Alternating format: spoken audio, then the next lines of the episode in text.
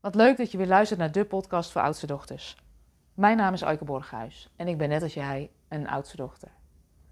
En in deze podcast wil ik het graag met je hebben over het beste meisje van de klas zijn. Want eerlijk is eerlijk, ehm, ik vind het zelf ook altijd wel fijn als ik dingen goed kan. En als ik kijk naar vroeger op school en tijdens mijn studententijd, dan hoorde ik ook altijd wel bij de goede leerlingen. Of in ieder geval de leerlingen die goede resultaten behaalden. Ik legde de lat hoog voor mezelf, ik werkte er ook hard voor. En het ging me ook over het algemeen relatief makkelijk af.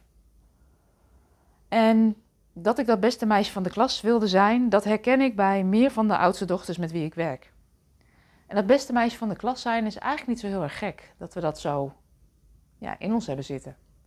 Maar hoe komt dat nou eigenlijk? Als je kijkt naar veel oudste dochters, dan uh, zie je dat we uh, vaak bevestiging kregen voor de dingen die we deden. Als wij thuis goed hielpen, dan kregen we vaak complimentjes. Als jij even een oogje in het zeil houden voor je broertje en zusje, dan werd dat vaak gezien. Als je in het huishouden hielp of als je op een verjaardag hielp met de catering, dan kreeg je vaak de complimentjes van, oh weet je, je helpt met zo'n goede hulp, je kan jou er zo goed bij hebben. En zo werkte dat vaak ook op school. Op school kreeg je vaak de erkenning en de waardering als je hoge cijfers haalde, als je het goed deed. Dat patroon hebben we vaak herhaald in andere contexten. Dus als dat van nature zo, of eigenlijk door nurture zo inzit, dat je um, waardering krijgt als je je best doet, dan is het niet zo gek dat je de lat hoog legt voor jezelf. En we herhalen dat vaak ook in andere contexten. Dus um, ook in je werk vind je het vaak fijn om de lat hoog te leggen en om het goed te doen. Om het liefst het beste meisje van de klas te zijn. En dat brengt je ook veel, want daardoor zit je waarschijnlijk ook op de plek waar je nu zit. En tegelijkertijd heeft het ook een valkuil. En de valkuil van het beste meisje van de klas zijn is dat er vaak veel tijd en energie verloren gaat in dingen perfect maken. En dingen goed doen, ik denk dat we dat allemaal gewoon willen en dat we dat ook mogen blijven doen. Maar ik denk dat veel oudste dochters tijd verliezen en de energie verliezen. En die herken ik zelf ook. Ik kan ook in de spiegel kijken. In die laatste 20% om dingen perfect te krijgen. En eigenlijk is perfectie ook gewoon saai. En dat is iets wat mij af en toe ook wel helpt. En deze week viel ik zelf ook wel weer in die valkuil. Ik was bij mijn eigen marketingcoach. En zij zei tegen me, Aike, waar haal je toch de tijd vandaan om um, ook onze sessies nog uit te werken, um, daar content van te maken, uh, daar zo actief mee bezig te zijn? Heb je soms meer uren in een dag?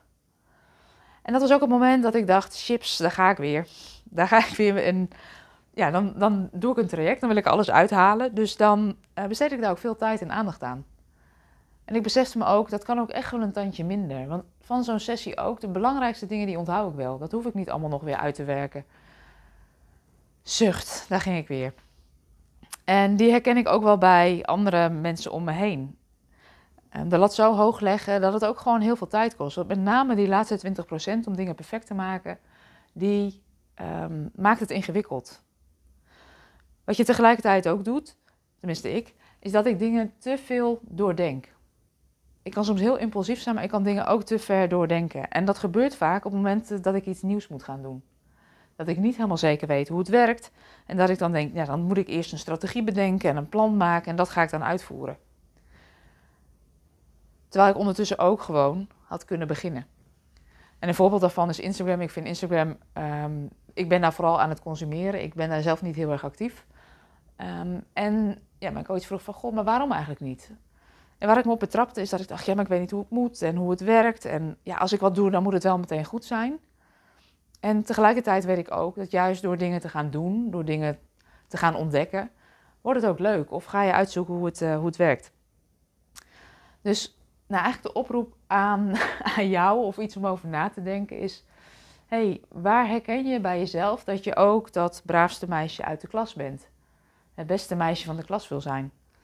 En te kijken van klopt dat eigenlijk nog bij wie je nu bent of bij wat voor jou nu van waarde is of belangrijk is. En wat zou er gebeuren als je die lat eens wat lager zou leggen? Als je eens wat meer zou gaan spelen, wat meer zou gaan onderzoeken. Het bespaart je veel tijd en het voelt tegelijkertijd ook lichter.